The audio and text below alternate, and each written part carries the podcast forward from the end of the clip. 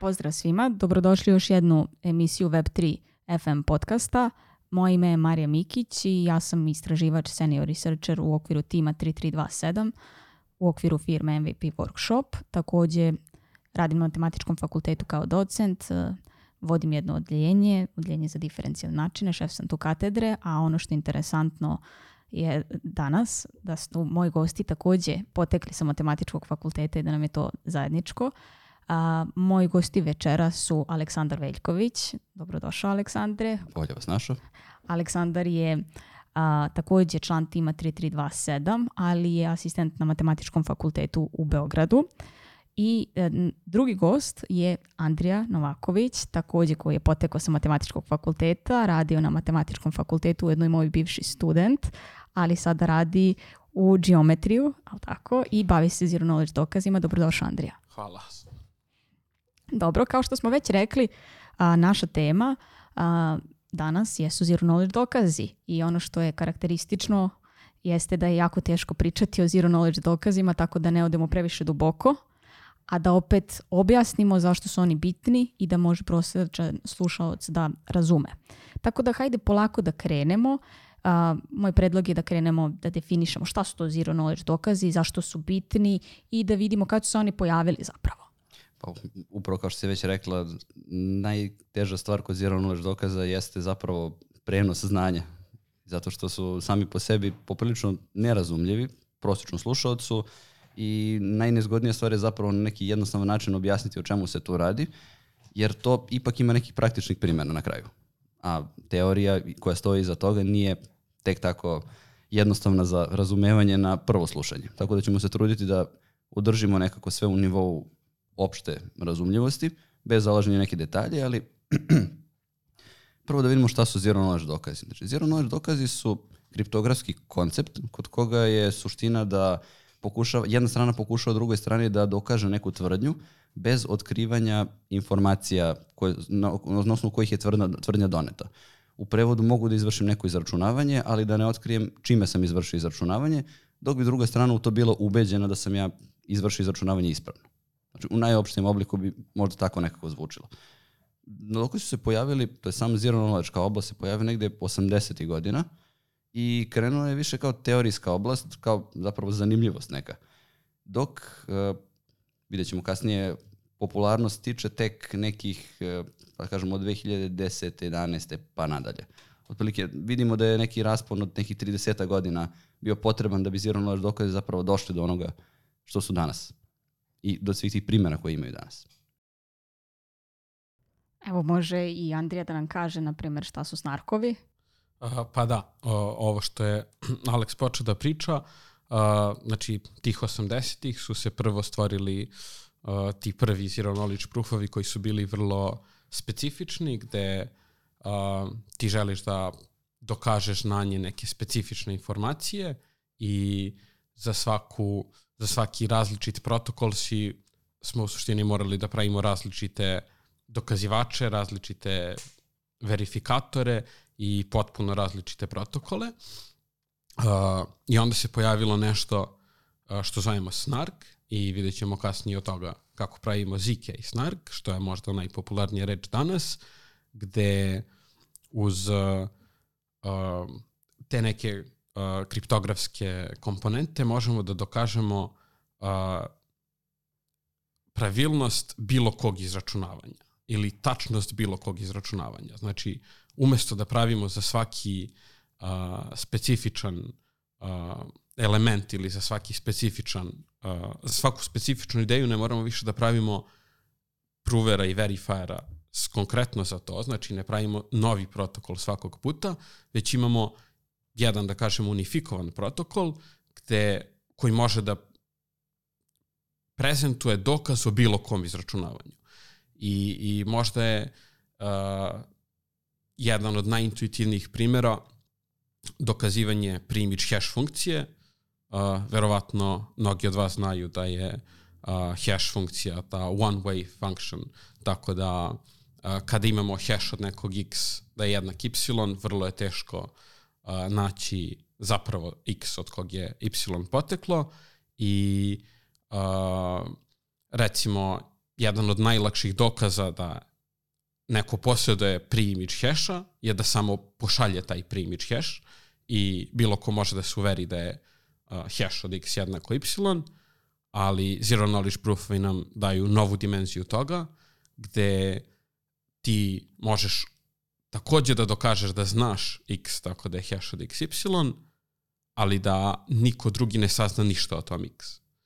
I to je vrlo bitna uh, karakteristika i vrlo bitna kriptografska šema koja nam donosi dosta privatnosti i samim tim što možemo da prezentujemo bilo koje izračunavanje a, i napravimo dokaz za njega, a, se pokazuje kao jako bitno danas u, u a, maltene skoro svim delovima Web3 industrije, o čemu ćemo, ja mislim, kasnije da, da, da pričamo. Upravo, upravo ćemo o tome pričati. Evo ti si, Andrija, već spomenuo, no, ja mislim, najosnovniji primer koji, je tako, a, gde možemo da vidjeti, vidjeti primjenu zero knowledge-a. Možda bi bilo interesantno slušalcima da vidimo još neki primer, ali možda neki iz realnog života gde možemo iskoristiti zero knowledge dokaze. Ja znam da si ti, Aleksandar, nešto istraživo na tu temu, pa možeš da podeliš sa nama. Jesam, pa upravo ovo što je Andrija rekao, dao je primjer hash funkcije. Znači, s jedne strane imamo podatke koje smo heširali, izašao je hash sa druge strane. Nije, ne možemo efikasno da vratimo nazad hash u originalne podatke, već moramo da ako bismo direktno dokazivali, moramo da dobijemo izvornu vrednost, da heširamo ponovo i da uporedimo da li se heševi slažu.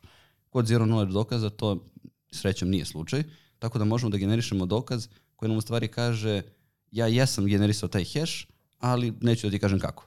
Neću da ti kažem čime, ali ću da ti garantujem da sam ispravno to uradio, da znam kako sam uradio. E, upravo na tim osnovama se zasnivaju mnogi algoritmi koji koriste zero knowledge, odnosno različite šeme koje koriste zero knowledge u nekim širim sistemima. Konkretno, jedan od primjera na kojem smo i mi radili jesu kredencijali, odnosno možemo to da zamislimo kao e, ličnu kartu sa skupom svih informacija koje imamo o nama na toj ličnoj karti, ali da drugoj strani ne želimo da, dok, da pokazujemo sve podatke. Vi kad pružite ličnu kartu, vi zapravo pokazujete sve lične podatke. E, Zero knowledge je to u stvari da nam omogući da možemo da pokažemo, na primjer, samo deo te, tog kredencijala, na primjer ime i prezime, ali druga strana bude ubeđena da je to deo validnog sertifikata bez toga da vidi ostatak podataka.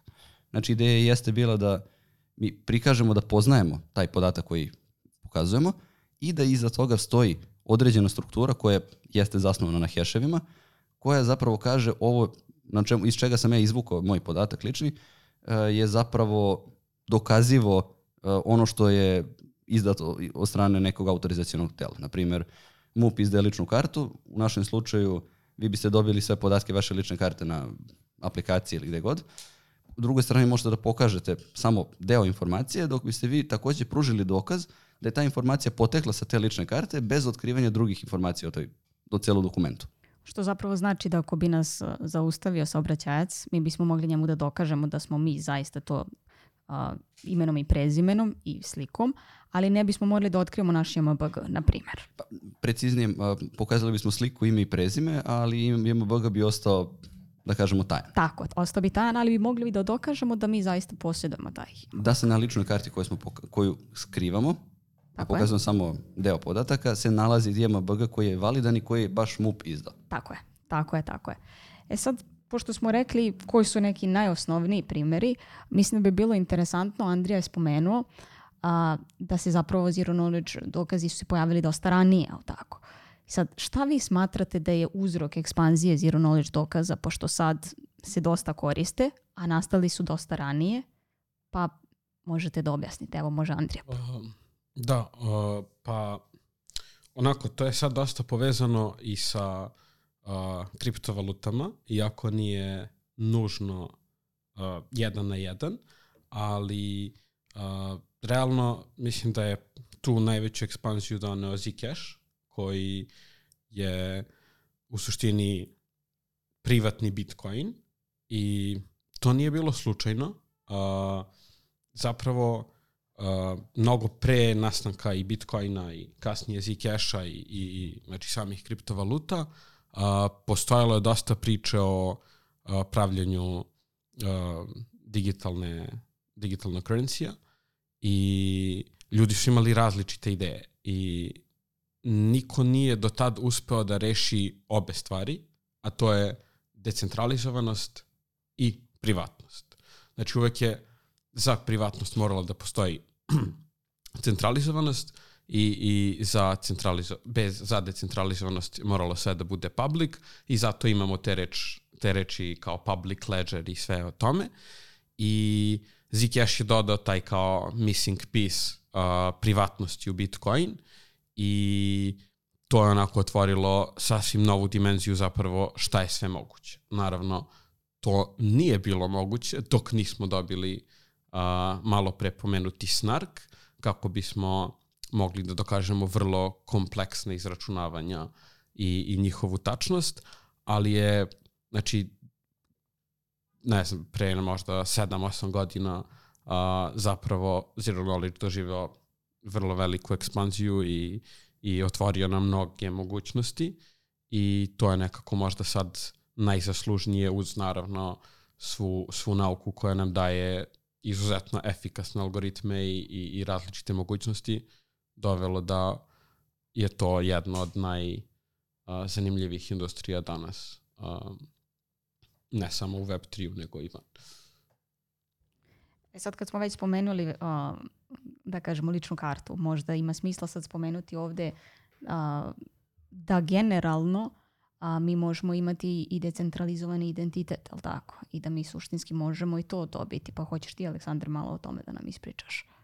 Pa, koncept decentralizovanog identiteta zapravo se nadovezuje i na decentralizaciju i zapravo na suverenost podataka. Znači da ja budem vlasnik svoje lične karte, svojih podataka i da biram kome ću koji podatak otkriti. Sad jedan od standarda jeste, zapravo radnih standarda, jeste DID, odnosno Decentralized Identity, i isto tako postoje e, nadovezujući standard Verifiable Credentials, gde u stvari cijelu ovu priču koju smo pominjali o ličnoj karti i o sertifikatima generalno, možemo nekako uopštiti na pojam, pojmove decentralizovani identitet i verifiable credential, odnosno proverljivi kredencijali. Mi smo isto pokušali da u cijelu tu priču ubacimo zero knowledge, jer se nekako postavilo kao logična opcija. Ako već imamo paralelu sa fizičkom ličnom kartom, zašto ne bismo isto to samo podigli u digitalni svet? I pokazuje se da takva stvar može da se napravi, gde pored toga što imamo jedan izazov generisanja dokaza, odnosno implementacija samog zero knowledge Sa druge strane, problem jeste uh, interoperabilnost. Znači da ne samo što ćemo mi da napravimo dokaz koji mi možemo da proverimo, već da se definiše neki standard po kome bi ti zero knowledge dokazi mogli da se koriste, odnosno da se takvi sertifikati koji su generisani pomoću zero knowledge dokaza koriste između više učesnika. I zapravo na tome i jesmo radili u okviru jednog istraživanja.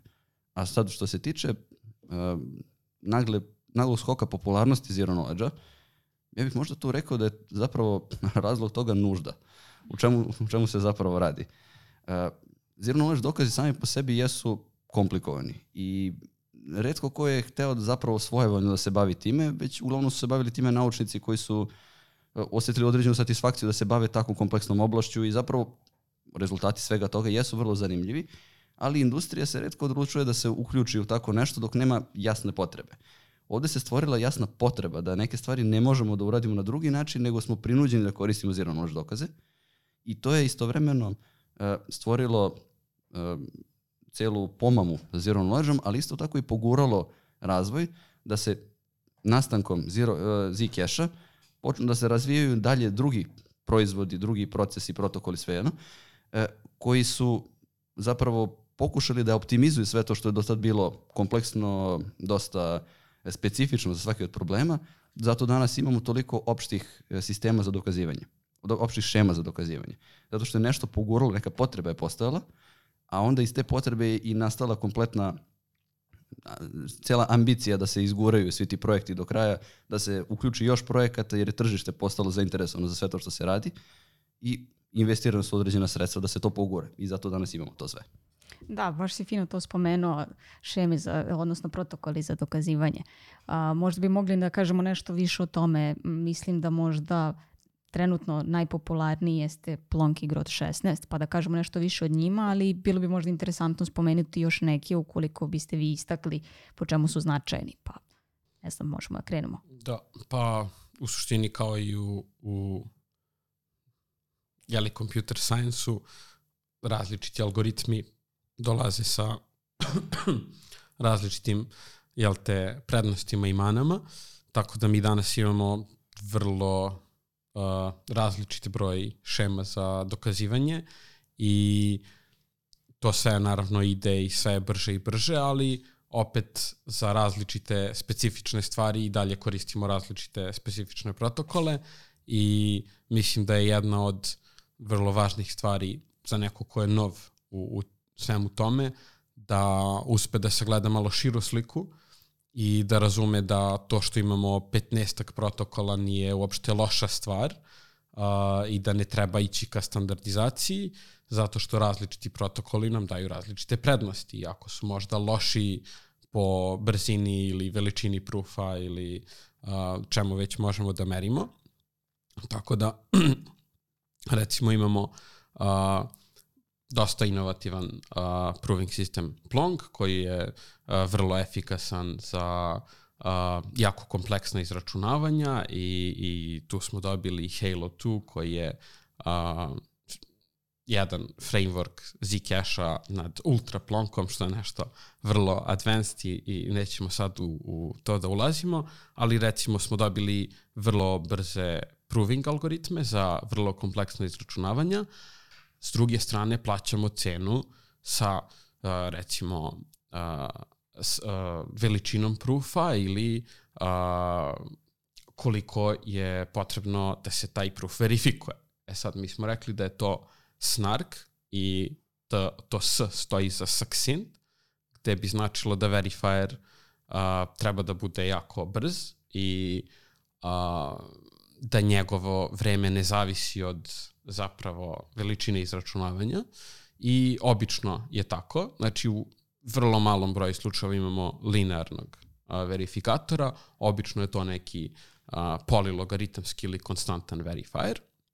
I recimo zanimljivo je što uh, Grot 16 koji je možda i prvi koji je nastao i koji ima neke mane što su uh, trusted setup per circuit, o čemu možemo kasnije da pričamo i što je uh, možda da kažemo i ovako najsporiji, što ne koristi naj, najefikasnije uh, aritmetizacije i dalje jako korišćen, zato što je njegov proof size i verifikator vrlo brz i on je jako pogodan za verifikaciju smart kontraktima, a, o čemu možemo još dodatno da pričamo, ali eto, iako, smo, iako je to bio prvi sistem i dobili smo ogromno unapređenja a, kasnije, on je ostao jako zanimljiv zato što je jako jeftin verifikovati ga u, u smart kontraktu i zbog toga je i danas vrlo popularan zbog toga je jedini korišće zapravo u smart kontraktima pored Plonka u izvesnim okolnostima jer je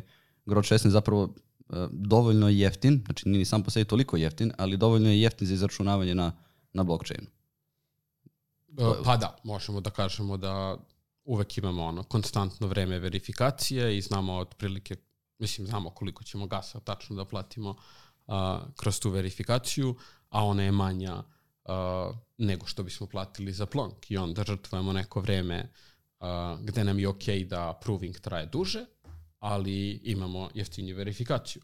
S druge strane u uh, ne EVM-based snarkovima, znači gde ne želimo da verifikator bude uh, smart contract nego bilo koji nod ili neki partij u mreži, uh, to nam nije bitno, jer je svakako ta uh, to izračunavanje verifiera toliko malo i za Plonk i za Grot da nam je u suštini nebitno da li se to razlikuje za neku nanosekundu na, ili milisekundu na verifier strani, a želimo da proving bude što brži.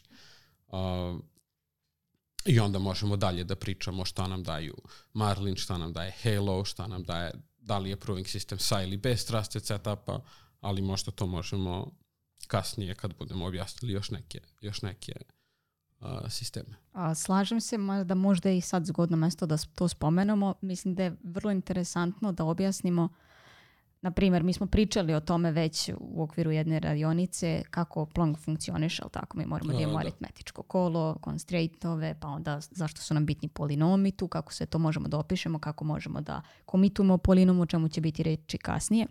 Ali možda je bitno sad i objasniti tu razliku da za trusted setup kod Plonka i kod Grota 16, pa evo može Aleksandar sad to da objasni pa da vidimo kao šta nam daje jedan, šta nam daje drugi. Okay. Znači, jedna od glavnih razlika jeste zapravo taj trusted setup. Sad, Da mogli bi da kažemo šta je to. Šta je to trusted setup tačno? Uh, za generisanje dokaza potrebno je pripremiti određene podatke unapred. Šta znači po, određene podatke unapred? Mi sve vreme pokušamo da napravimo jedan algoritam koji je probabilističke prirode. U smislu da uh, ispravnost, recimo, provere dokaza, uh, nije deterministička u smislu da, da ako smo dobili dokaz koji je tačan, je on 100% tačan, ili ako smo dobili dokaz koji nije tačan, da ćemo mi u 100% slučajeva reći da on nije tačan. Zapravo kad dobijemo tačan dokaz, reći ćemo da je tačan. Tu konkretno nemamo dilemu što se tiče zero knowledge dokaza, ali ako imamo netačan dokaz, postoji mala, potpuno apsurdno beznačajna verovatnoća da dokaz koji nije tačan može da prođe, ali postoji i dalje. Znači to je pri, probabilistička priroda tih algoritama. Ono što, na čemu se zasnivaju ti algoritmi, jeste skup vrednosti koje mi zovemo toxic waste. Zapravo to su neke privatne vrednosti koje postoje samo tokom generisanja kola, opet da kažemo šta je kolo. Kolo koje je pre, aritmetičko kolo kojim predstavljamo problem koji hoćemo da, za koji hoćemo da izvršimo izračunavanje, da izgenerišemo dokaz i zapravo da izgenerišemo dokaz.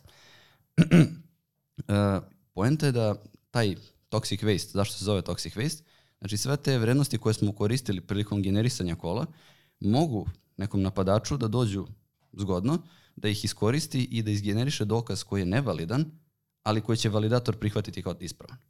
I zato je cela poenta što pre ukloniti taj toxic waste, postoje različiti pristupi za to. Znači, ne možemo verovati jednom pojedincu, pa se zato to obično generiše kao multi-party computation. Znači, više učesnika koji zajedno se udružuju da generišu vrednosti, delove vrednosti, pri čemu poznavanje jedne vrednosti ne, ne otkriva skoro ništa od, o kompletnoj vrednosti, o skupu svih vrednosti, ali da kažemo da to znači skup vrednosti koje ne želimo da tek tako otkrijemo bilo kome. Zapravo ne želimo nikome da otkrijemo. I kod Plonka i kod Grot 16 algoritama imamo zapravo dve strane. Grot 16 generiše dokaze pomoću toxic waste-a koji je generisan za svako kolo pojedinačno.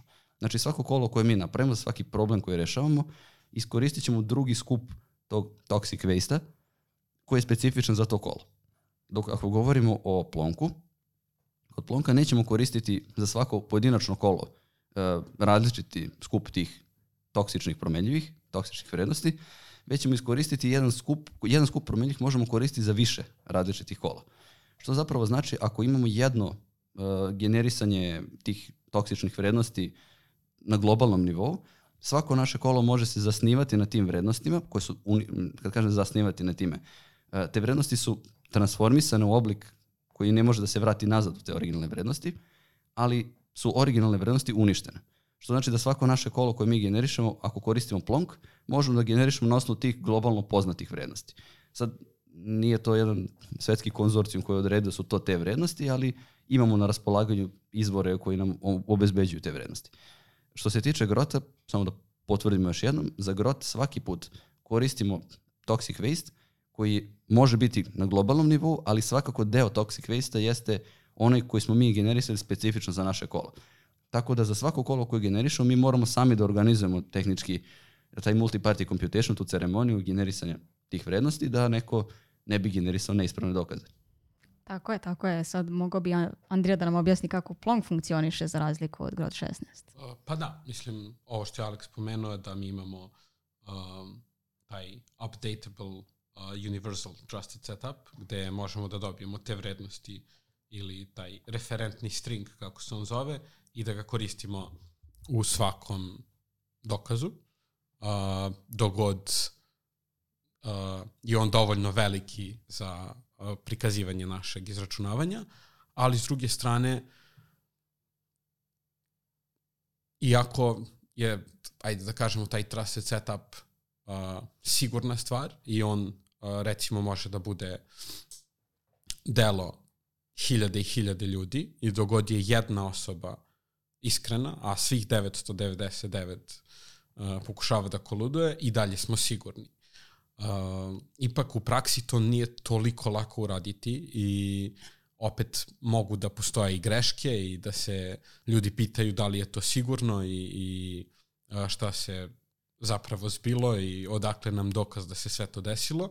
A, postoji onaj zanimljiv klip gde su a, u prvoj verziji Zcash-a kad su radili Trusted Setup a, dokumentovali to da kažemo, celu ceremoniju, kako su kupovali nove kompjutere koji nikad nisu bili povezani na internet, kasnije ih spalili, ja mislim da je neko od njih i vozio sve vreme dok je generisao secret kroz državu da ne bi mogao, ne znam, neki side channel da se desi i kao oni su se baš potrudili da naprave ja, ceremoniju, ali s druge strane dobili smo i uh, šeme koje su kao Halo koje ne zahtevaju trusted setup, I sad je to vrlo specifično i možda ćemo kasnije pričati o polynomial commitmentima i neko bi rekao to je super, izbatit ćemo taj trusted setup koji može da bude problem, ali onda, kao što smo opet pomenuli, plaćamo druge cene i uh,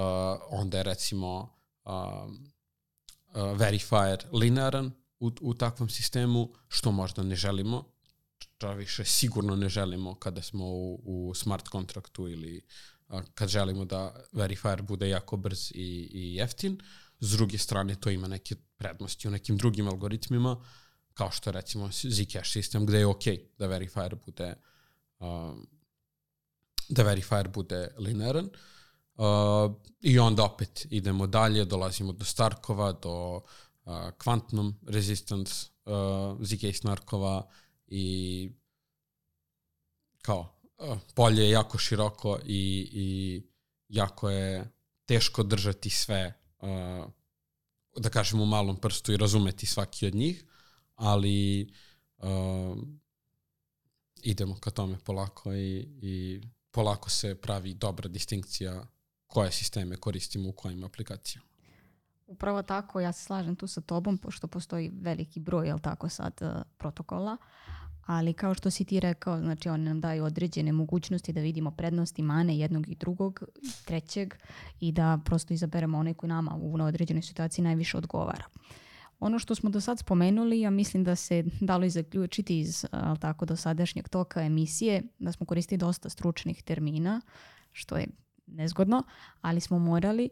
Um, koliko zapravo, pošto svi imamo matematičko znanje koje je do, dovoljno dobro da se bavimo ovom oblašću, je zapravo bitno da imamo to matematičko predznanje. Šta zapravo a, koristimo jako često kada a, radimo sa zero knowledge dokazima jeste da upoznamo slušalce sa discrete log problemom i eliptičkim krivama, pa možemo da krenemo od Aleksa da napravi neki uvod šta je to discrete logaritam problem, zašto je on značajan za ovu temu i eliptičke krive, ali tako, koje često koristimo, pa ukratko pa može posle Andrija da se nadoveže.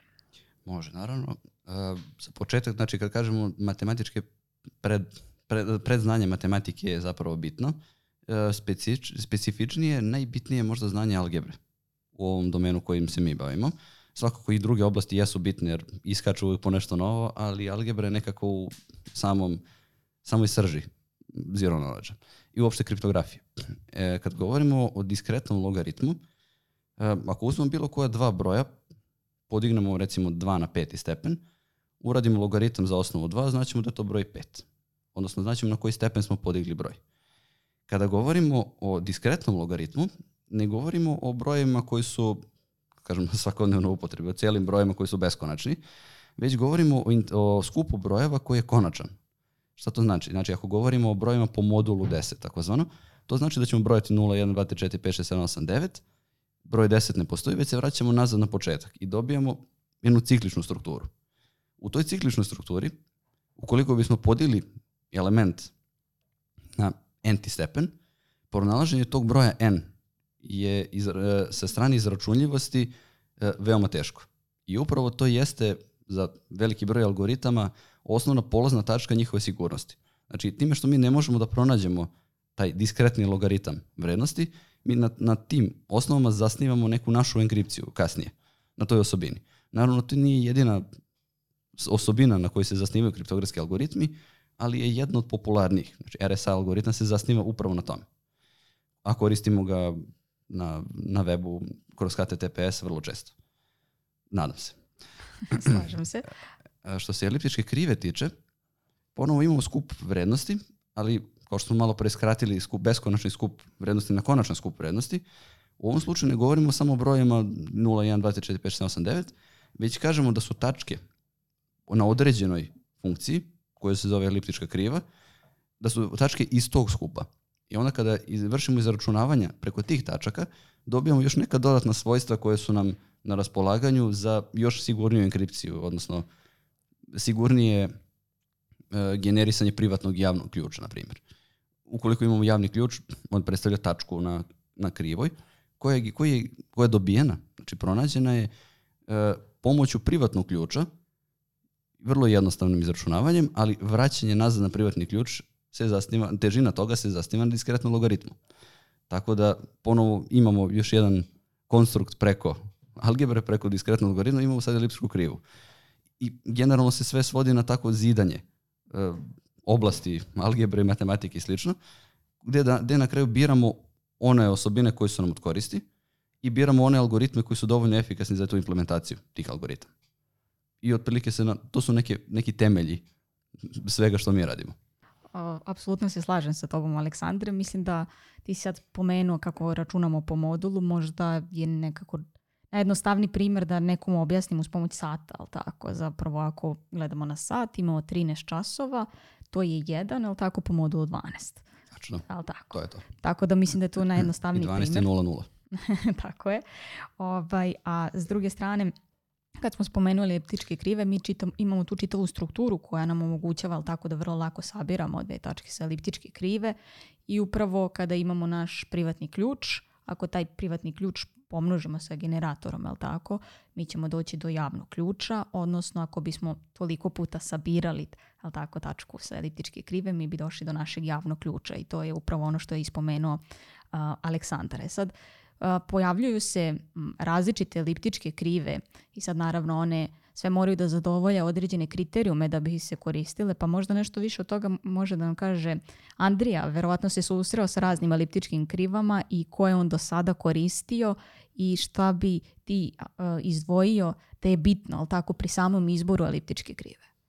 Uf, to je možda vrlo teško pitanje. I, Ovde nema lakih pitanja. Da. Koja je vaša omiljena eliptička kriva? uh, generalno, ovo pitanje će da se nađe na svakoj uh, kriptografskoj konferenciji, kad ljudi diskutuju, uvek će da bude izbor eliptičke krive i, uh, i parametri, šta se sve oko toga dešava. Uh, mislim da je jako teško da sad odgovorimo na to zato što imena eliptičkih kriva su vrlo random i, i ne verujem da će, da će ljudi uh, da će ikome biti i malo zanimljivo ako nije već u tome, ali naravno imamo vrlo širok uh, skup eliptičkih krivih koje jel, imaju različite parametre i opet imamo prednosti i mane i u odnosu na gde radimo algoritam, šta želimo, uh, koja je svojstva, koju sigurnost, koju brzinu, uh, da li želimo uh, neke specifične cikluse, podgrupe, mislim to je vrlo uh, duboko u algebri, ali uvek se postavlja pitanje koju krivu koristiti i to je opet po meni isto jako bitno razumeti uh, kada neko ulazi u ovu oblast, bar sa uh, tog nekog high level koncepta, kao što treba da bar razume prednosti i mane različitih algoritama, da tako razume i u kojim slučajima kad želimo da koristimo koje krive. Bez ulaženja u vrlo specifične stvari oko toga, čisto zato što to olakšava rad u ovome mnogo. Uh, Ali mislim da sve ono što, što, što one moraju zadovoljavati, ali tako jeste da zapravo su otporne na neke već poznate napade, napade je tako? Da. I uh, ha, to je sad u kriptografiji jako čudno. Sličnu stvar vidimo i kod hash funkcija. Uh, mi uvek imamo te assumptions, kao što je Alex pričao o discrete log assumptionu i imamo assumption da je hash funkcija teška, da je inverse hash funkcija težak. Uh, tako da je da bi dokazivanje da su ti neki problemi NP povuklo svašta nešto novo u teoriji izračunjivosti i jel te to je NPP relaciji, ali za sad mi živimo u svetu gde smatramo da je to težak problem, imamo niz napada na određeni algoritam, u trenutku discerniranja novog algoritma, nove krive, novog a, bilo čega, nove hash funkcije recimo, a, ide se ka, kao da bi rad i ole bio validan i, i, i krenulo da se razmatra u nekim a, aplikacijama, on mora da obezbedi zaštitu od svih do sad poznatih algoritama. Naravno, nekad ni to nije dovoljno i, i ljudi koji dosta duboko razumeju te stvari pričaju na još komplikovanijim uh, o još komplikovanijim konceptima, ali je to nekako dosta, da kažem, sakriveno od javnosti, uh, ne zato što neko želi da prevari, prosto je vrlo teško i mnogo mali broj ljudi se bavi time. Uh, I da, uh, vrlo je nemoguće ući u to na samom početku zike. Treba da prođe određeni broj godina da bi uopšte neko mogo da krene da diskutuje o tim stvarima a, i smiš, razmišlja o novim krivama i novim, novim hash funkcijama. Za osobe koji bi htjele da se bar malo upute u to, postoji Save Curves website koji vam daje na raspolaganje pregled eliptičkih krivih i njihove osobine i procene da li su bezbedni ili nisu u odnosu na napade koji su tu izloženi. Ali da, imena krivih jesu jako čudna SEC 256K, na primjer, ali imamo... Milion. Da. ali zato imamo i krivu Baby Jab Jab, da. koja ima neko smislenije malo ime, iako nema smisla uopšte u tom domenu, ali malo pampljivije ime i koristi se u zero knowledge. Tako je, tako je. Mislimo baš danas komentarisali vezano za tu krivu i zapravo možemo samo spomenuti zašto je ona bitna. Mislim da nismo spomenuli uopšte zašto je bitno uparivanje na eliptičkim krivama i gdje se to može koristiti. Možda samo tu još da spomenemo pa... Da, da. dobro, to je jedan vrlo uh, volšeban koncept uh, i, i generalno mnogo malo ljudi zapravo zna šta se pozadi dešava, ali to je jedna od glavnih funkcionalnosti određenih eliptičkih krivih koja je zapravo dozvolila da većina ovih algoritama bude moguće koje smo danas spomenuli. I uh, to se zovu pairing uh, based elliptic curves.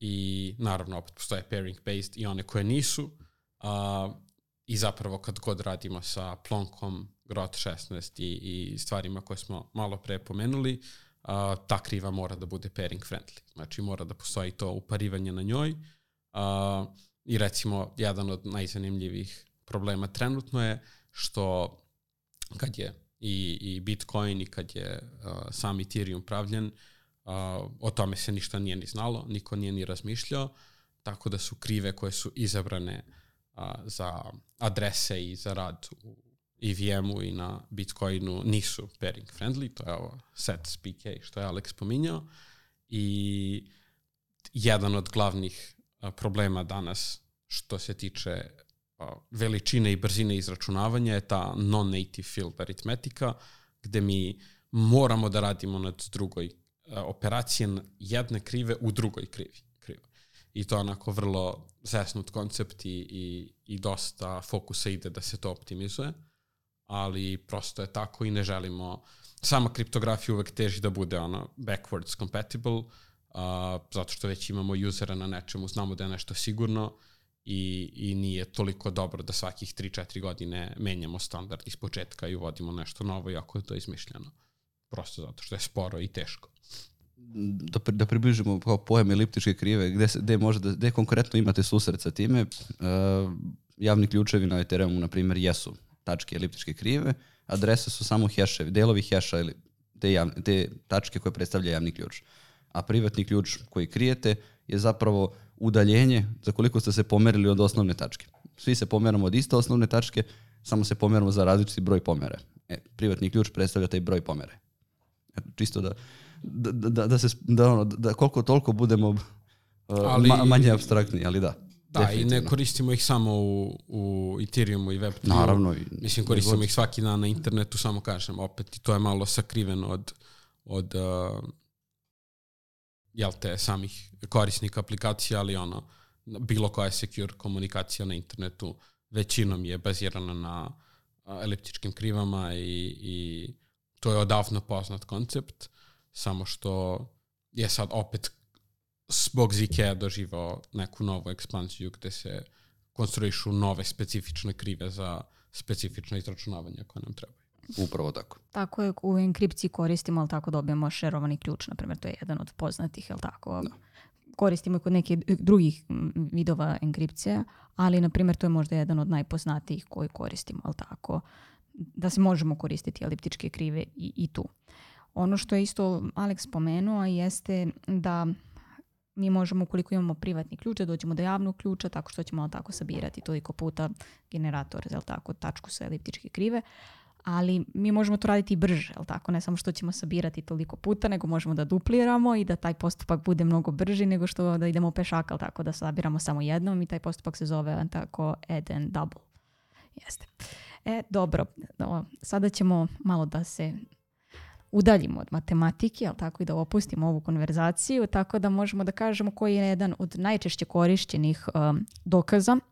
Ja mislim da je možda to membership proof, mislim ima svakako jako veliku primjenu. Um, ono što je meni poznato jeste da je Andrija radio na jednom projektu u okviru Ethereum fondacije koja je semafor, ali tako, gde koristimo membership dokaze, pa možeš li nas samo uputiti šta su do, to, kakvi su to dokazi i zašto su nam bitni i šta je zapravo postižemo semafor? Pa da kažem, to su vrlo intuitivni dokazi u smislu ono što želimo da postignemo. A, imamo, jel te, neki skup public vrednosti i to mogu da budu ljudski identiteti ili vidjet ćemo kasnije u Tornado Cashu šta je to, a, koji je jedan od najpoznatijih aplikacija tih membership proofova danas, za koje je većina verovatno čula. A, ideja je da svako može da dokaže da posjeduje neki ajde da kažemo, identitet ili neku od public vrednosti, bez da iko zna koju. I sad, ako je taj skup dosta veliki, kogod da je pravio dokaz je uspeo da sačuva svoju anonimnost.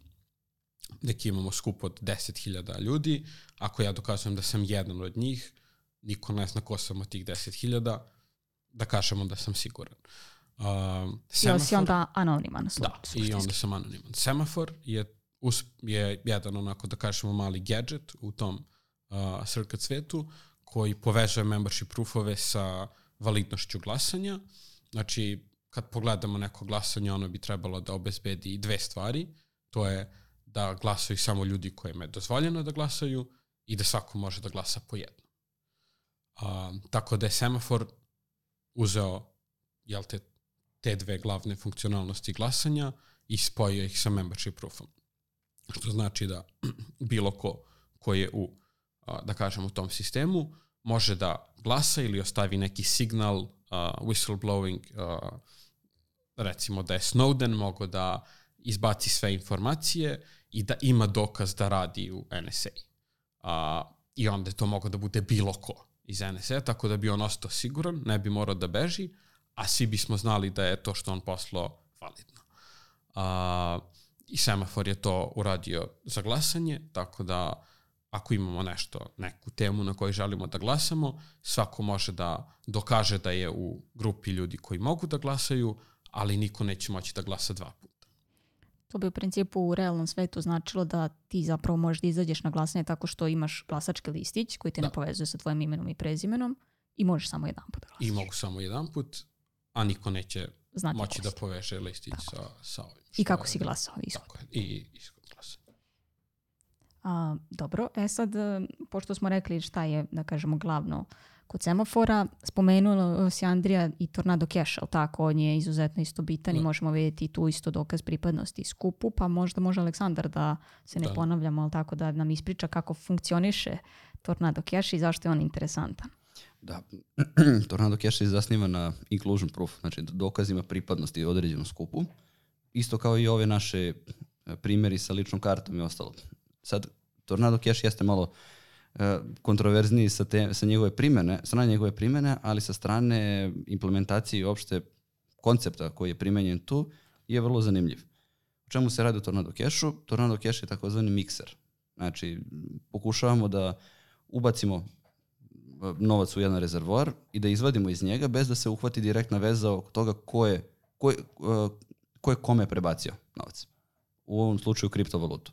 Znači, s jedne strane imamo smart kontrakt na neko, na mainnetu, odnosno na Ethereum mainnetu, koji automatski signalizira na sporednom lancu da se generiše određena količina novca na tom drugom lancu. E sad, prebacivanje između dva lanca zapravo predstavlja slanje potpisanih uh, uplatnica, da tako kažemo, enkriptovanih za, za stranu koja prima uplatu. I ta uplatnica se čuva u uh, smart kontraktu sporednog lanca, pri čemu imamo takođe još jednu novu stvar, nullifier, koji omogućava da ne možemo dva puta da pošaljemo istu uplatnicu.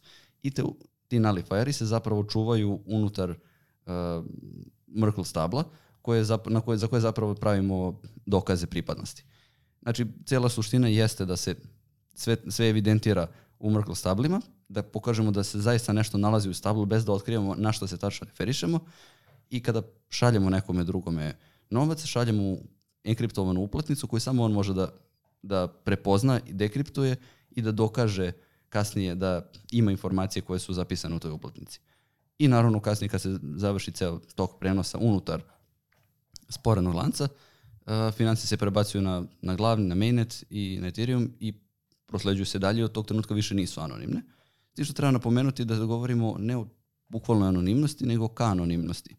Pri čemu to znači da u slučaju da, da, da je potrebno da imamo bar ka učesnika, kako se ne bi sa dovoljnom verovatnoćom, većom od bacanja novčića, uh, pogodilo, odnosno prepoznao učesnik koji je učestvo u sistemu.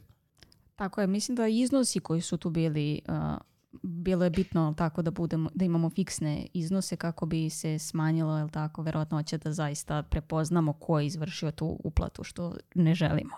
Da, sam da, da, pa u početku su bili fiksni iznosi, kasnije su dozvoljeni proizvoljni iznosi s tim što je dalje bila preporuka da se koriste fiksni iznosi kako se e, ne bi prepoznao ako je neko uplatio 1,23 da je isto tako izvadio sa druge strane neko 1,23 u valuti.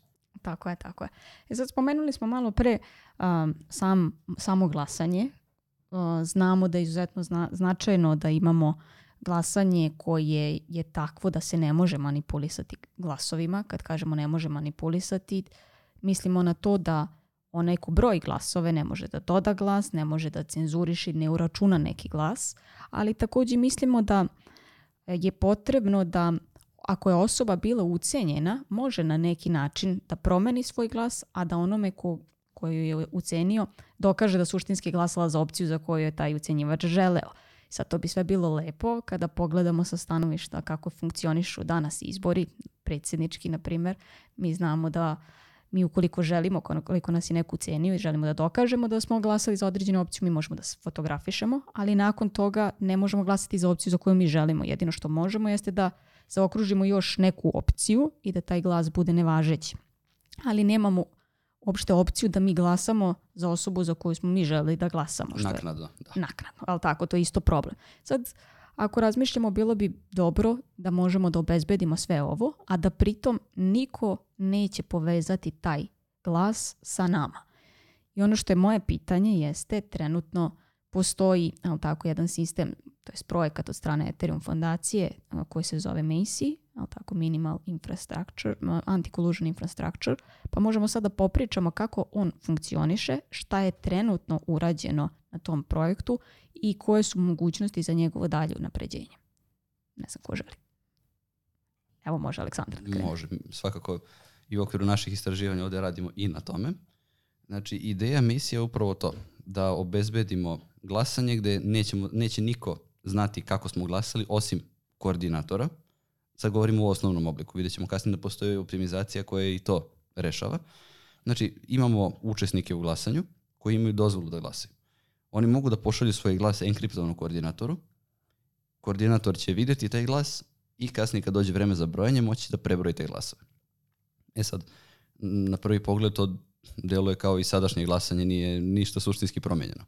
Razlika u svemu tome jeste što prvo, kada pošaljemo enkriptovan glas, naravno samo koordinator vidi to što je upisano. Druga stvar, uh, glas koji smo poslali možemo kasnije da poništimo. Znači možemo na određeni način da, da ako nas je neko ucenio da glasamo na određeni način, mi možemo da kažemo evo glasao sam, ali možemo da glasamo recimo ili e, poništenim ključem za glasanje ili ćemo kasnije da poništimo ključ za glasanje. I na kraju kada se broje glasovi, kako se obezbeđuje da e, nema kradenih glasova, ubačenih glasova i slično, obezbeđuje se tako što se koristi konkretno zero knowledge dokaz koji, kaže, koji uspeva da celo stanje glasačke kutije svede i da pokaže da svi oni glasovi koji su u enkriptovanom obliku poslati zapravo jesu uvršteni u, uvršteni u konačni rezultat i da je glasanje zasnovano na njima ispravno. I to je osnovni oblik. E sad, e, i ti si Marija na tome naročito doprinela da optimizaciji da glasanje, e, taj deo gde koordinator može da vidi ko je kako glasao, predstavlja još jednu dodatnu rupu u sistemu, jer ukoliko je koordinator u koluziji sa određenim napadačima sa strane, on može njima da kaže, e, iako ti ne vidiš kako je osoba A glasala, ja ću da ti kažem. E, uvođenjem novog nivoa enkripcije, korišćenjem LGML enkripcije, e, došli smo do proširenog sistema koji rešava i taj problem, tako da u tom slučaju e, kompletan Macy, kako zovemo, MACI, sistem, ima zakrpljenu i tu rupu sa strane i predstavlja jedan poprilično siguran sistem za glasanje. Siguran sa strane toga da je nemoguće menjati rezultate i anoniman, da je nemoguće utvrditi ko je konkretno kako glasa. Znači glasovi jesu vidljivi, ali se može sakriti informacija o tome ko je to konkretno glasao. Da, spomenuo si da zapravo bi napravili jedan savršen sistem za glasanje. Zapravo ti glasovi su enkriptovani, nisu vidljivi, oni su, nisu vidljivi on-chain, ono što može koordinator da vidi, on može da ih dekriptuje u sadašnjoj verziji i on koristi šerovani ključ. Znači samo mogu da glasač i koordinator, el tako, da otključaju glasove. Međutim, dodavanjem novog tipa enkripcije i korišćenjem nullifiera možemo da obezbedimo da suštinski više ne povežemo stari javni ključ i novi javni ključ, al tako, od glasača i da na taj način koordinator može videti glas, ali ne može videti više povezati ko je glasao, što nam daje na, dobijamo na anonimnosti i na privatnosti samo i glasanje. Znači glasanje će biti, a, da kažemo takvo, da ne može da se manipuliše glasovima, možete i dalje da dokažete ucjenjivaču da ste glasali za opciju koju je želeo, iako taj glas neće biti validan, a takođe imate mogućnost da čak ni koordinator ne zna da ste zapravo vi ta osoba koja gla, koja je glasala. Što ja mislim da pruža mnoge mogućnosti. Ja sad ja ne znam kak, šta vi mislite o tome, koliko je realno da ovakav sistem glasanja može da se primeni u realnom životu i kolika koliki bi bio interes institucija zapravo da koriste ovakav vid glasanja. Ok, pa mislim da je dosta daleko od da neka tako institucija prihvati to Uh, prvo i taj technology leap da dođemo do toga je ogroman, ali uh, sad, ok, možda je Alex više to istraživo od mene, a i ti s njim, uh, kad dođemo do ovih decentralized organizations, DAO, kako je to danas popularno, ja nisam puno ulazio u to, ali ovakve stvari ima smisla koristiti kod tih nekih on-chain governance struktura ili gde mi želimo da, ne znam, osnovamo neku kompaniju i ima nas 6-7 u, u nekom bordu koji donosi odluke i mislim da je za takve aplikacije ovo jako uh, dobro, uh, lako može da se postavi i zapravo svi imamo benefit od toga jer uh, jedni drugima verujemo, a opet želimo da možda svoje mišljenje ostavimo uh, privatnim a, dok neka adopcija na milione ljudi koji bi glasali preko toga, mislim da je i dalje daleko. A, samim tim, zato što je dosta fair, nije toliko dobro. Upravo to ja mislim. Mislim da. da generalno organizacije ne vole da sve bude baš toliko fair. Fair, da. Uh, ali da, definitivno postoje aplikacije za to i, i samo uh, definitivno za to postoje aplikacije i, i samo ne treba odmah da idemo na naj uh, idealni use case ikad. Tako je. Ja još jednu od primjena koju mogu da vidim jeste da, na primjer, baš upravo u Web3-u, ukoliko investitori žele da ulažu novac na određene projekte, oni glasaju tako. tako za te projekte i mislim da bi na ovaj način oni bili sigurni da niko nije izmanipulisao sa glasovima i da zaista najvredniji projekat će dobiti najviše novca, što ja mislim da je jedna od mogućih primjena. E sad ono što je još bitno, spomenuli smo, mislim da je Andrija spomenuo polinomial commitment, uh, ali tako, scheme. da kažemo šta je to, šta to znači. Mi smo već imali, jel tako, jednu emisiju koju, s- to jest jednu radionicu na ovu temu. Možemo u opisu da. dodamo i link ka, ka tome. Ovaj, Um. ali tada smo pričali, čini mi se, jedno sat i po vremena samo, Samo na ovu tome, temu. da. Pa sada probamo ukratko da približimo zašto je to značajno i- sat vremena ćemo. A, da, pa to je možda jedan od ovako prvih koncepata kad neko krene da se bavi na a, ajde da kažemo ne samo zero knowledge ali najviše toga ima tu, kada neko krene da se bavi a, ovom oblašću a, da kažemo malo ispod aplikativnog nivoa i to je možda jedan od tih prvih najabstraktnijih koncepata kad neko krene da uči. E sad, ta reč commitment je vrlo često u kriptografiji i više manje sve što danas radimo online jeste u vidu nekih commitmenta. Znači, da li mi šaljemo neki hash kroz nešto ili uh, kao bindujemo se za neku, za neku vrednost. Ono, ne znam, i status na Twitteru može da bude posmatran kao commitment, uh, gde neko se komitovao da je to njegovo mišljenje u datom trenutku. Sad, ono što je bitno za commitment je da jednom kad se komituješ ne možeš to da promeniš. I to jeste više manje sa hash funkcijom. Ako sam se ja komitovao na neki secret value uh, i publicly uh, pokazao hash toga, uh, ako želim da kasnije, ot, da kažemo, otvorim taj commitment ili pokažem na šta sam se komitovao, ja zapravo neću moći da promenim. Uh, da promenim to na šta sam se komitovao. I polynomial commitment je, jel te, a, specifična vrsta komitmenta koji imaju veze sa a, jel te, komitovanjem polinoma. A Šalim se, ovaj, pošto je u većini tih algoritama a, koje smo do sad pominjali sve reprezentovano na kraju kroz polinome i svi ti computation tracevi i sve promenljive i sve se na kraju posmatra kao neki polinom nad, nad tim nekim poljem. Uh, zapravo kroz polynomial commitment mi se komitujemo na to izračunavanje. I to je tako da kažem jedan, mislim, vrlo abstraktan koncept u početku koji posle nekog vremena krene da ima mnogo smisla i samo zato što su a, elementi s kojima radimo u ZK proofovima polinomi, mi se komitujemo na polinom. I zapravo ako bilo šta drugo što radimo online ili u bilo kojoj transakciji posmatramo šta je ta atomička struktura kojom, batalj, kojom baratamo, mi zapravo se uvek komitujemo nekako na to. Uh, jel te u konverzaciji ja se komitujem na svoje mišljenje uh, koje ne mogu da promenim. Ovde je samo bitno da komitovanjem na polinom ja zadržavam i privatnost, što daje ZK. Uh, znači, ja mogu da kasnije otvorim taj commitment i pokažem da sam ja sigurno to uradio, ne mogu da promenim mišljenje, ali ne moram da pokažem na šta sam se komitao. I tu leži uh, core ideja tog ZK dela koji nam daje zero knowledge ili ti privatnost. Baš tako. Znači, ako imamo privatne ulaze, znači privatne vrednosti koje nećemo da otkrijemo, a koristimo ih za izračunavanje, mi možemo da kažemo, te vrednosti ćemo da transformišemo u polinom, taj polinom ćemo da sklonimo sa strane i da, da ne pokazujemo drugima, ali ćemo da se, da se komitujemo na tu vrednost. Znači, mi se obavezujemo da se, mi smo se vezali za tu, taj polinom, Evo, u, naj, primjeru heširat ćemo ceo izraz polinoma i stavit ćemo ga na raspolaganje i kasnije ako bi hteli da otkrijemo, pokazali bismo da znamo čime smo to heširali. Sad šta je tu mali problem? Što mi moramo da pokažemo neke osobine tog polinoma.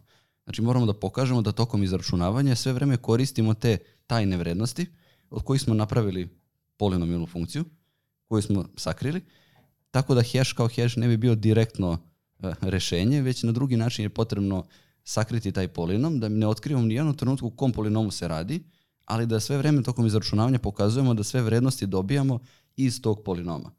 Tih skrivenih vrednosti koje sakrijemo koje nećemo da, da pokažemo ako koristimo u izračunavanju. Da, mislim da je tu interesantno spomenuti, mada opet malo idemo ka matematici, ali zadržat ću pravo da vodim ovu emisiju i da mogu da idem u tom smeru, pa makar samo meni bilo interesantno.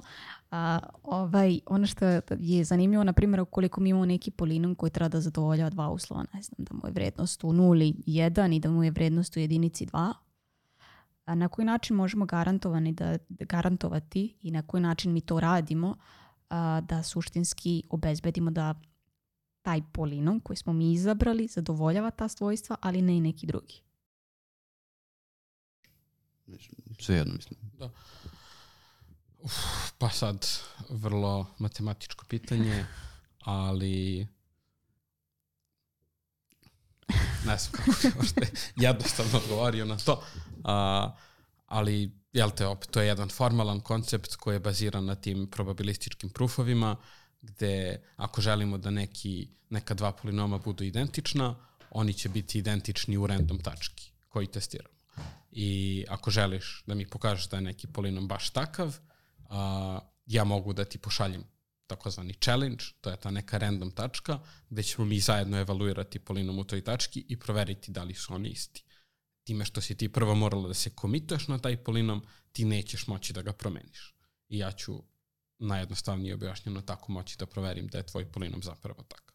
Da, suštinski možemo da izaberemo neku random tačku, ali tako, i onda ako mi ne znamo, ali tako, šta će biti nama izazov, onda nam je jako mala verovatnoća da ćemo moći da lažiramo, ali tako. U principu sve se zasniva na tome da dva polinoma n-tog stepena mogu da imaju najviše zajedničkih koliko tačaka?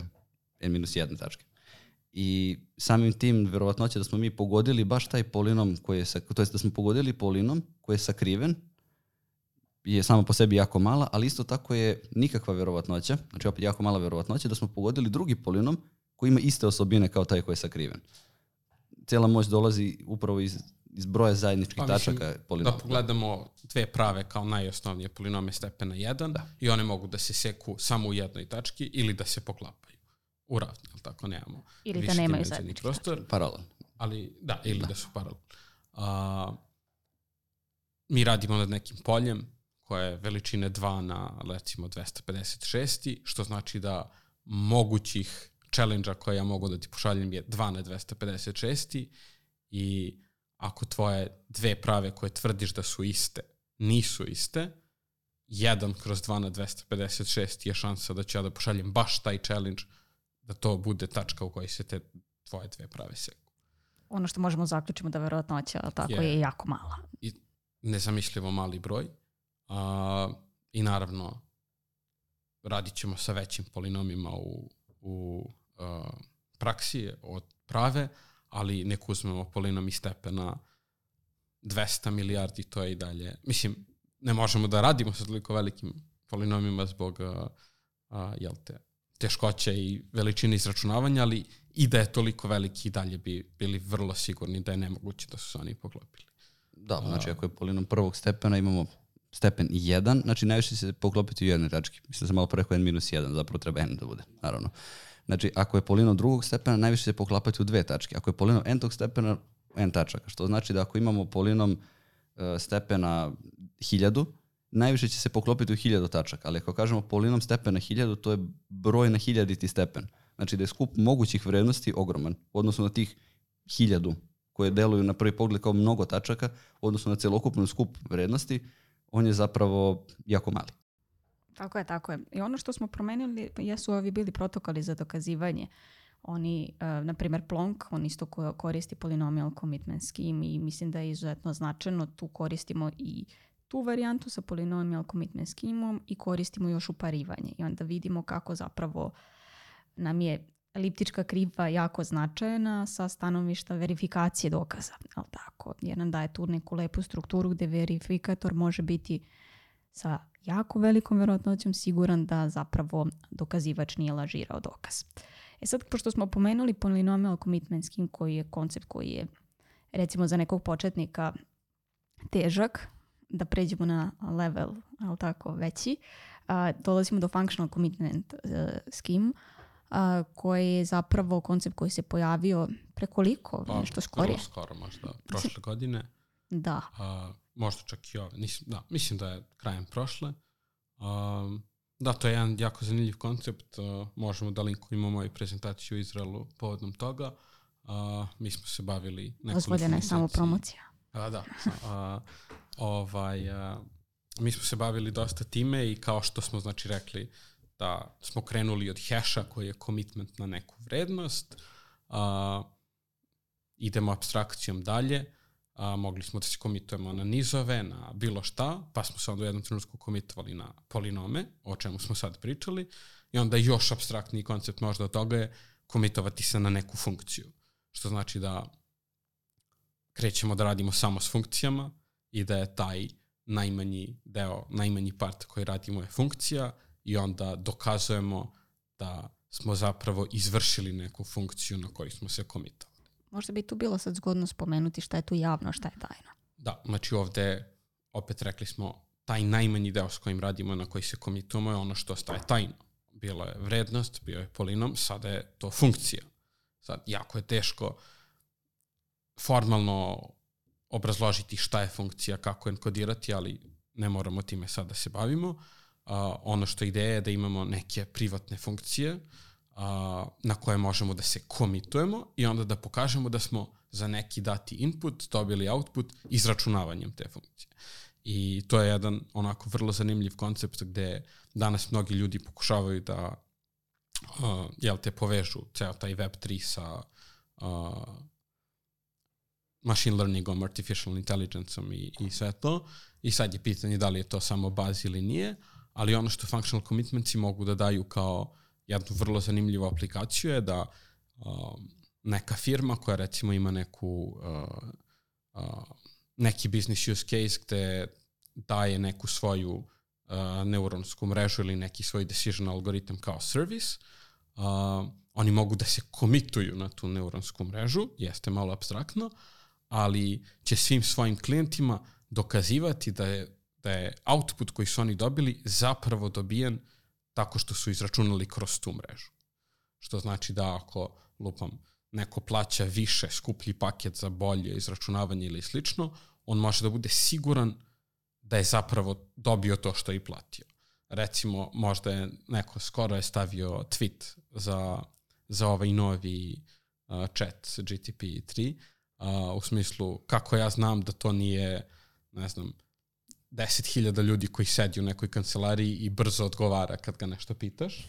Uh, I da, zapravo kako znamo, pa eto, to može da bude functional commitment. Znači, da postoji commitment na, na neuronsku mrežu koja uh, zapravo vraća taj output, mi možemo svaki put da generišemo dokaz da je zapravo algoritm, znači neuronska mreža na kojoj smo se komitovali, koja je predstavljena kao ta funkcija, jeste dala output za određeni input koji smo mu uneli.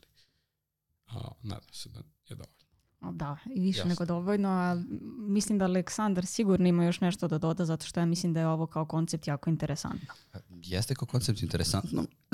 Takođe, uh, mi sada imamo nešto slično tome, ali evo da, budem, da bude jasnije malo. Uh, kad smo govorili o zero knowledge u početku, govorili smo da postoje skriveni ulazi, neko izračunavanje i izlaz koji je dobijen tim izračunavanjem. Kod zero knowledge i ideja sakrivanja ulaza gde je funkcija poznata. Što znači šta? Znači da isti taj princip možemo da primenimo ne samo za sakrivanje ulaza, već za dokazivanje da smo cijelo izračunavanje tačno uradili. Znači mi možemo da, uslovno rečeno, napravimo, da se još malo razviju zero knowledge dokazi, da napravimo uh, na smart kontraktu uh, mogućnost da za zadati ulaz koji više nije tajni ulaz, nego ćemo da ga okačimo na smart kontrakt da bude jasno vidljivo, da pošaljemo dokaz koji kaže na osnovu ovih ulaza ja sam dobio ovaj izlaz, pričemu smart kontrakt zna koju funkciju sam primenio. To i sada već imamo, ali šta je taj korak dalje?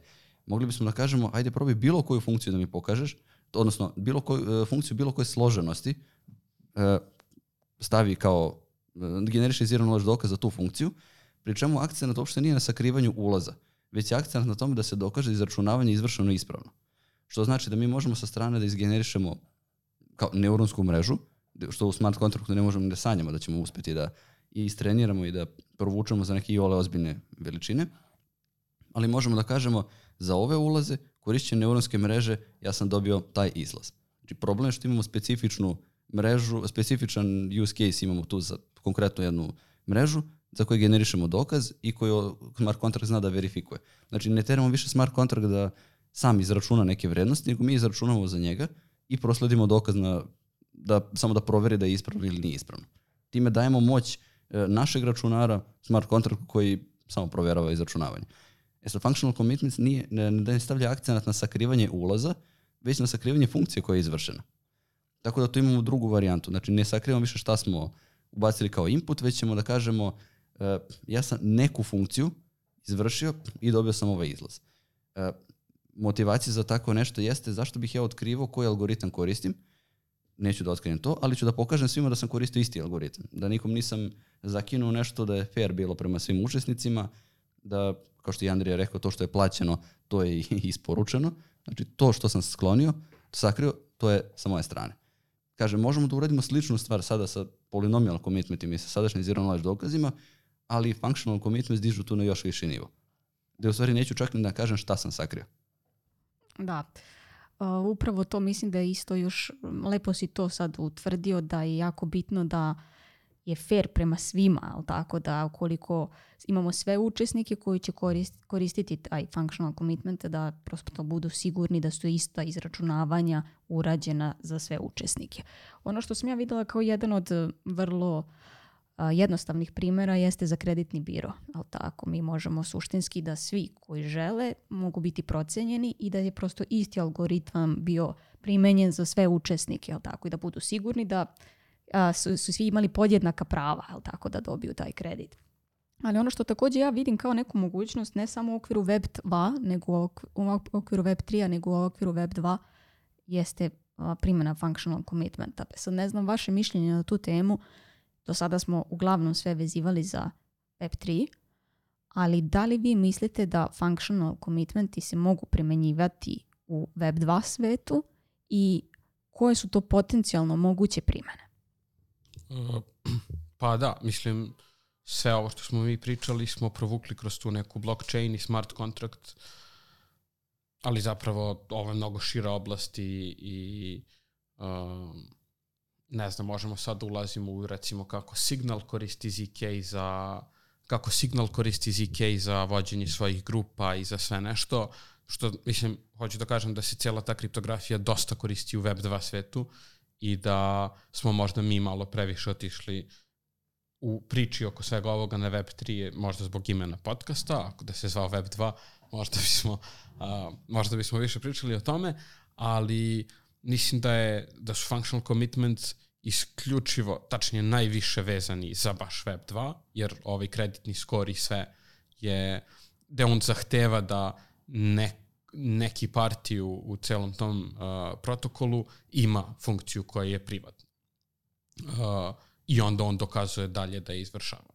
Što znači da ne možemo više da imamo neki smart kontrakt koji verifikuje nešto i slično, već dokaz mora isključivo da stavlja jedna strana i da, mislim da je baš ovo što smo pričali o, o, o dokazivanju izvršavanja neuronskih mreža i slično baš kao Web 2 case. Um, gde nemamo potrebe da uključimo nikakav kontrakt niti bilo šta. I ovo što si ti rekla za kredite i slično.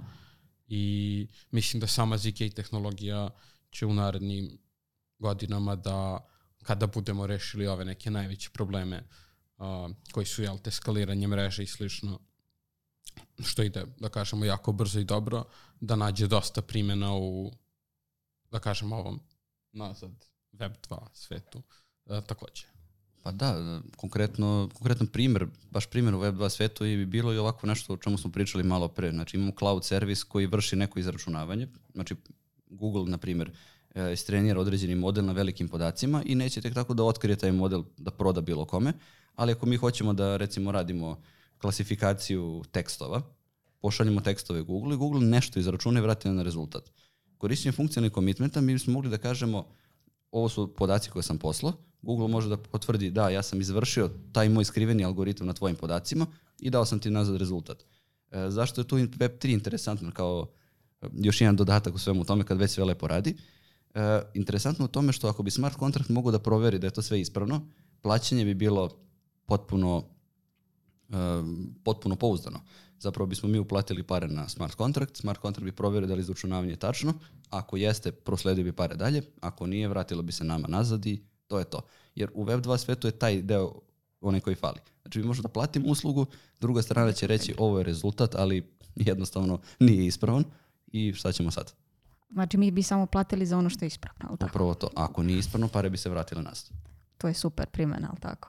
Ove, šta, šta sam još htjela kažem, ono što mene lično zanima i zanima me kako je vaše mišljenje na tu temu, koliko mi sad imamo neki mehanizam, neko izračunavanje koje može da se vidi kao neki patent koji mi želimo da sakrijemo i ne želimo da niko prosto zaradi na našem jel tako, a, otkriću. Da li mi možemo a, da primenimo functional commitmente tako da sakrijemo taj naš patent, a da suštinski svakome damo za te ulaze koje će on koristiti rezultat.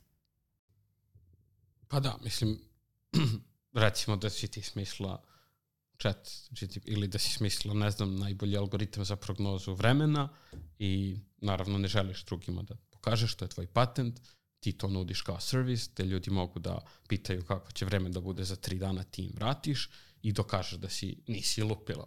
Sad ako tvoj algoritam greši, ljudi prosto neće da ga koriste, ali ovde je poenta da ti možeš da sakriješ, ali da ja sam siguran da ako lupam donosim neku veliku odluku, odnosno na, neki imaš neki sistem koji treba da optimizuje logistiku meni, ne znam, neko putovanja i šta god i ako ja želim da budem siguran da sam platio sam ti puno da mi daš to, da ti nisi lupila i da ja još više budem u gubitku, ti možeš da mi dokaže da si to uradila. Ako ja dobijem loš output, ja prosto više neću da koristim tvoj sistem jer nije dovoljno dobar za mene, ali time se ne bavimo. Mi se bavimo da ti ne možeš da me prevariš nečime od trenutka kad si se komitovala na svoju funkciju. Pa što, znači, ako sam platio uslugu X, imam dokaz da je usluga X izvršena.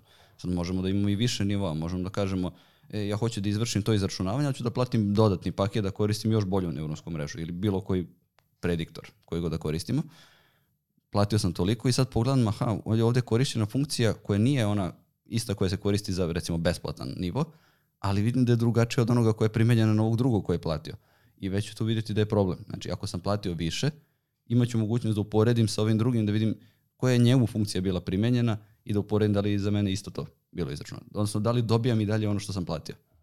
Da, zapravo čini mi se da primjena funk functional commitmenta je izuzetno velika, potencijalno, ali tako, u Web2 svetu, posebno za mene koja a, se bavi nekim, a, tako, otvorenim problemima naučnim, ja već vidim neku mogućnost primene da ukoliko vi dođete do nekog patenta i vi želite nekome da prodate nešto, ali ne želite da otkrijete sam patent, vi možete to da uradite uz pomoć functional commitmenta. Sad spomenuli smo ovdje primjenu functional commitmenta u Web2 svetu, ali mislim da bi bilo zgodno da spomenemo još neki, nešto prvo što vam padne na pamet, a vezano je za zero knowledge i primjenu u Web2 svetu, što na primjer možda i nije urađeno, a ima prostora da se uradi ili nešto što je urađeno ali dovoljno veliko da je vredno da se spomene? Pa što na meni je možda prva asocijacija signal. Mislim da oni su baš odličan tim i uradili su neke super stvari što se tiče omogućavanja ono, privatnosti, uh, s kim pričaš, full enkripcije, poruka, ZK grupa uh, i svega toga što jel te, nikako nije vezano za, za Web3 i mislim da postoji dosta tih manjih aplikacija, on, uh, Contact Discovery-a, Set Intersectiona i slično, ali prosto, neću to da kažem da je ovo sad buzzword, ali mnogo više ljudi priča o tome i onda možda te aplikacije nisu toliko uh, nisu toliko eksponirane i, i, i ne vidimo za njih, ali uh, ima previše ljudi koji se bave kriptografijom na Web2 svetu i mislim da to mnogo, da kažemo, šira oblast od samo Web3-a, nego je našla vrlo specifičnu ulogu u skaliranju blockchaina i, i trenutno zato svi pričaju o tom. Pa, na primjer, mislim da smo radili kao deo jednog istraživanja ranije, uh, generalno kontrola pristupa, ne kao kroz kredencijale, nego možemo da podignemo opet na jedan viši nivo. Znači možemo da kažemo ovo su, ovo su lica osoba kojima je dozvoljen pristup određenom uh, obezbeđenom delu prostora i na ulazu možemo da imamo kamericu koja prepoznaje lice. Ta, to prepoznato lice neće nigde biti sačuvano u bazi, direktno kao to lice u toj lokalnoj bazi, već će samo postati taj inclusion proof, taj dokaz pripadnosti skupu e, koji može da se izračuna da se potvrde da lice stvarno pripada skupu, ali da jednostavno ne znamo o kome se radi. Znači imamo pristup, e, na primjer, anonimnom glasanju, imamo prostoriju u kojoj se vrši anonimno glasanje, ne znamo ko je ušao u prostoriju, ali smo sigurni da je on imao prava da, da pristupi tome. Kao jedan od primjera. Mm, Mislim da je ovo mm, odličan primjer da ja ispričam jednu anegdotu koja će Aleksandru biti jasna, a mislim da će Andrija da pretpostavi a, ko je glavni lik u ovoj priči. U principu mi smo imali jednu situaciju na fakultetu da je bila odbrana jednog doktorata i da prosto bile su štrudle u zbornici. Međutim, te štrudice su misteriozno nestale, ali pošto mi imamo kontrolu pristupa gdje možemo da utvrdimo ko se ulogovao, znači mi smo mogli da zaključimo, ali tako, ko je kako su nestale štrudle, Ko je tako, ko je, ko je ukrao štrudle. A ono što je interesantno jeste da je to bio neki profesor.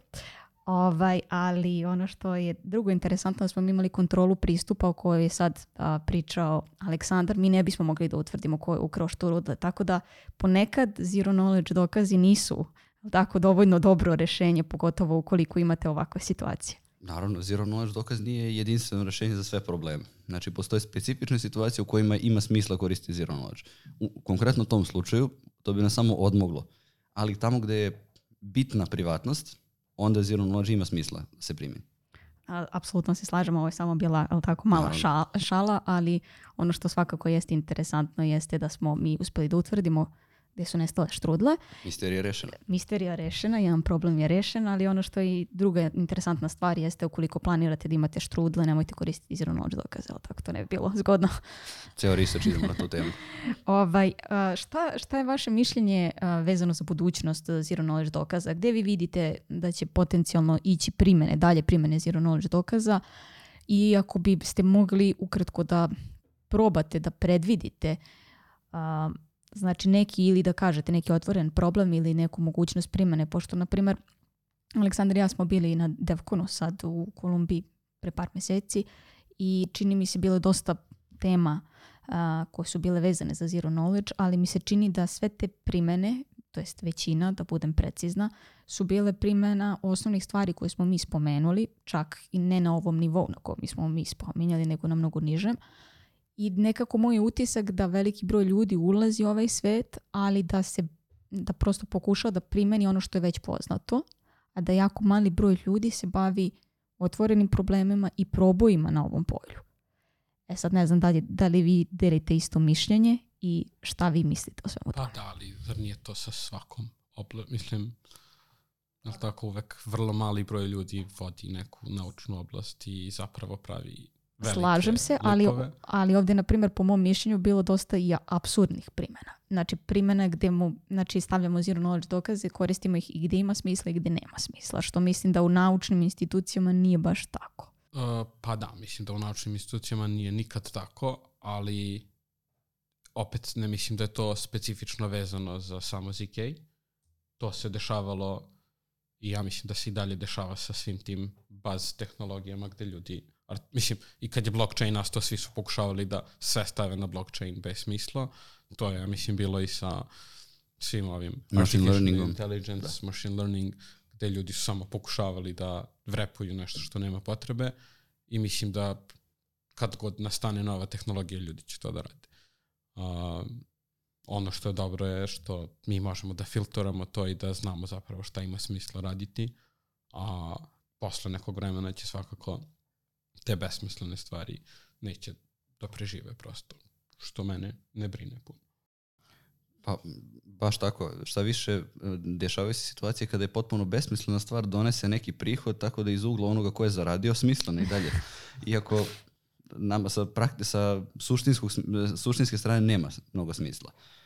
E sad, možemo da posmatramo tu razvoj na dva nivoa. Posmatramo razvoj razvoja, e, razvoj, razvoj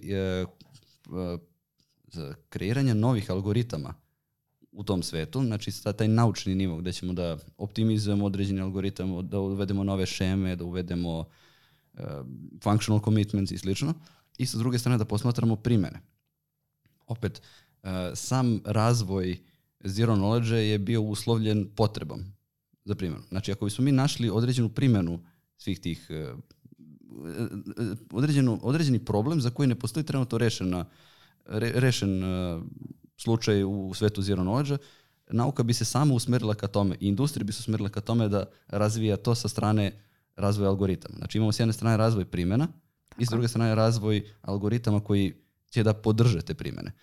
E, konkretno mislim da e, sam zero knowledge omogućava ono što sam čak i napomenuo malo pre, da iako postoji smart kontrakt koji je siromašan u pogledu mogućnosti, on, je, on ima mogućnost da proveri dokaze koji su možda zasnovani na velik, jako kompleksnim izračunavanjima. Verujem da će to možda u budućnosti dati uh, određene decentralizovane mreže gde bismo mi kao korisnici uh, naših računara mogli da pustimo naše računare u slobodno vreme da vrše određene izračunavanja, da učestvuju u nekim širim izračunavanjima i da pomoću zero knowledge i functional commitmenta zapravo ima mogućnost da dokažemo da smo ispravno to uradili posredstvom smart contract i da budemo plaćeni za to. Znači, uključivanje uh, većeg broja ljudi u Web3 svet na osnovu toga što oni mogu da doprinesu uh, svojim resursima u nečemu smislenom. Da sad imamo slučaj majnovanja. Znači, proof of work sistem je takav da uh, sam po sebi nema nikakvog smisla i ničemu ne doprinosi čovečanstvu, osim podršti tom sistemu. U ovom slučaju sad bismo imali mogućnost da mi uradimo proof of work, ali na nečemu smislenom što bismo kasnije mogli da unovčimo na kraju krajeva. I time otvaramo ceo novi sistem uh, i poslovanja i uopšte uh, pogleda na Web3 svet. Jer trenutno Web3 svet malo izgleda kao jedno veliko igralište gde ljudi pokušavaju da uguraju sve svuda i da se, kad, kad je teško pomenemo Bitcoin, Ethereum i slično i da vidimo, da špekulišemo koja će kriptovaluta da bude bolja ili koja će da pada i slično. Ovde bismo imali jedan drugačiji pogled na Web3 svet gde bismo zapravo iskoristili sve te dobre osobine blockchaina kao imutabilne strukture koja se ne menja, zapravo menja se nadovezivanjem i sa druge strane svih uh, raspoloživih resursa ljudi koji bi hteli da se ubace u to, ali trenutno u kontekstu recimo DeFi-a ne vide sebe kao učesnika. Eto, to je možda neki pravac za budućnost, pa sad nadamo se da će biti tako. ovaj, a, Andrija, da li bi ti sad, ne znam, pičovao neki problem koji smatraš da je dovoljno veliki da možda neko ko je u okviru o, ove oblasti zaintrigiraš dovoljno da možda se usmeri ka njemu da, da napadne? Pa šta znam, onako da ste sad teško to reći zato što je ta naučna strana jako duboko i mislim da nam treba mnogo vremena da bismo uopšte došli do šta ljudi sad pokušavaju da urade i da to baš, mislim, zahteva previše predznanja kao što i za svaku oblast i nekako mislim da to baš teško pitanje odgovoriti ne samo za ovo, nego za bilo koju naučnu oblast kojima se ljudi bave. Mislim, Ali bar recimo sa stanovišta primene, što bi imalo smisla. Uh, pa da, ovaj, sa stanovišta primene uh, onda uopšte možda ne treba da gledamo sa naučne strane. Mislim da za većinu primjena trenutno imamo dovoljno jaku infrastrukturu uh, i što se tiče brzine algoritama i što se tiče uh, ok, možda nam još malo fali da kažemo tih dev frameworka i da se sve to standardizuje uh, jer svako pokušava da napravi svoje i slično, što je dobro. Mislim, uh, ljudi pokušavaju da naprave najbolji uh, dev framework za sve to, ali mislim da će taj period proći kroz jednu godinu, dve, postaće mnogo kristalnije i da će dosta da se standardizuje i pisanje circuita i generisanje proofova i da sve će to da postane vrlo moguće i dostupno ljudima koji ne znaju algebru, eliptičke krive i slično i mislim da će sad tad zapravo da se desi neka boom ili mnogo različitih aplikacija, jer smo i dalje mnogo rano, i dalje se mnogo radi na samoj nauci, optimizovanju i uopšte uh, to pre nekoliko godina stvari koje sad radimo, ono, in-browser proofs, da je moguće da ti neki proof napraviš ili verifikuješ na telefonu, to prosto nije bilo moguće. To se odjednom postaje moguće, postaje moguće skalirati uh, ceo chain i, i, i sve slično tome, tako da kad budemo jel te prešli taj uh, most da je nešto computationally moguće, uh, doći će aplikacija i možda bi se osvrnuo da smo slične stvari sa ML-om imali i mnoge koncepte mnogo, mnogo, mislim, davno lupam, 70-ih, 60-ih, 80-ih, možda i ranije, i one su postojale samo kao koncepti. Tek kada smo došli do dovoljno jako hardvera i stvari da mogu da isteraju ta izračunavanja, odjednom smo dobili milijarde aplikacija toga. I mislim da smo trenutno u istom stanju, da moramo još neko vreme da radimo na optimizaciji i, i tim detaljima kako bi to postalo moguće da se šire adaptira i da se uh, eksperimentiše na mnogo većem skelu. Znači ti očekuješ da će probaj biti za par godina, vrlo verovatno? Pa da. Mislim sa stanjem trenutno u kom idu i, i, jel te, i nauka i taj ceo dev uh, ide jako brzo i dosta novih kreativnih stvari izlazi i jel te, to će morati da se stabilizuje i donekle standardizuje u, u narednih par godina. A, pre nego što a, vas pustim, ali tako da vas ne maltretiram dalje, a, zanima me samo, komentarisali smo, mislim, nekad ranije, možda je to interesantno spomenuti, jeste da suštinski mi možda možemo da utičemo, to je znači jedan web 2 problem, ali gde možemo koristiti zero knowledge dokaze, jeste da a, ukoliko želimo da dokažemo da neka informacija tačna. I sad ne možemo to ukoliko imamo neki tekst, ali možda možemo ukoliko je, imamo sliku. Mislim da je bilo interesantno jer se pojavila neka slika kao koja se desila u Ukrajini kad je krenuo rat, a suštinski se nije desila. I na koji način mi možemo da a, izvršimo tu proveru s pomoć zero knowledge dokaza i možda tu ima isto primjena i proboja koja transformacija možemo uraditi, tako da suštinski dokažemo da ta slika od koje je potekla modifikovana slika jeste se desila na određenoj lokaciji određeno vreme. Možda možeš samo još malo bliže da nam to pojasniš, pošto smo pa pričali da, na tu to je temu.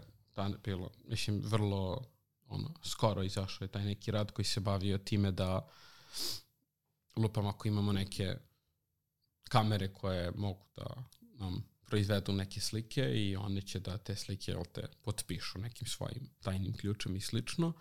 Uh, one će da dobiju tu sliku i uradit će niz nekih transformacija. Da će datu, možda će nešto da filteruju, rotiraju i slično. I onda zapravo kroz taj jedan ZK proof mi možemo da imamo dokaz da je, uh, ok, možda nam tu i ne treba ZK, ali prosto A, Mislim da smo Ziki koristili da dokažemo, pošto ako promenimo uh, fotografiju, ali tako uh, signature je Da, problem. da, mislim, možda nije bitno da sakrijemo recimo kako smo menjali ili kojim inputima, ali ono što i Snark može da nam dozvoli je da ako smo krenuli od neke slike koja je potpisana bila tim nekim ključem neke kamere koja je validna i ona je prošla niz transformacija, da i dalje možemo da imamo dokaz da je to poteklo od tog signatura. Što znači da nije neko mogao random da dođe i da kaže vidi ovu sliku sa ovoga, zato što bi onda morao da, jel te, slomi discrete log, što smo pričali, da uh, fake signature i sve što uh, je vrlo teško, tako da, da, to je bila, to je jedna od direktnih aplikacija koja nije vezana za blockchain i, i, i sve što smo pričali. A, dobro, hvala. Mislim da je ovo bila jedna iz, zanimljiva a, tako primjena zato što mislim u svetu u kom živimo suočavamo se da stalno imamo jel tako neke lažne informacije koje kruže internetom i onda na ovaj način ne možemo možda taj problem da rešimo, ali možda možemo da rešimo jedan drugi problem koji je, ja mislim, podjednako vredan. A, dobro, ja bih se zahvalila vama što ste izdvojili vreme da... Moramo mi nešto nju da pitamo. Ona nije. Izvolite. Nemojte neki Ne teški problem. Pitajte me nešto za diferencijalne načine. A, Neka sutra. Može, može. Ovaj, a, hvala vam puno na, na gostovanju. A, Znam da ste u gužvi obojica i da ste izvojili vreme da ćaskamo ovdje vezano za zero knowledge dokaze. Nadam se da slušalcima nije bilo previše kompleksno da nas slušaju, ali eto, ako bude prilike, ako smo se dobro pokazali, možda ćete nas još nekad čuti. A, to bi bilo sve. Ja vas pozdravljam. Doviđenja.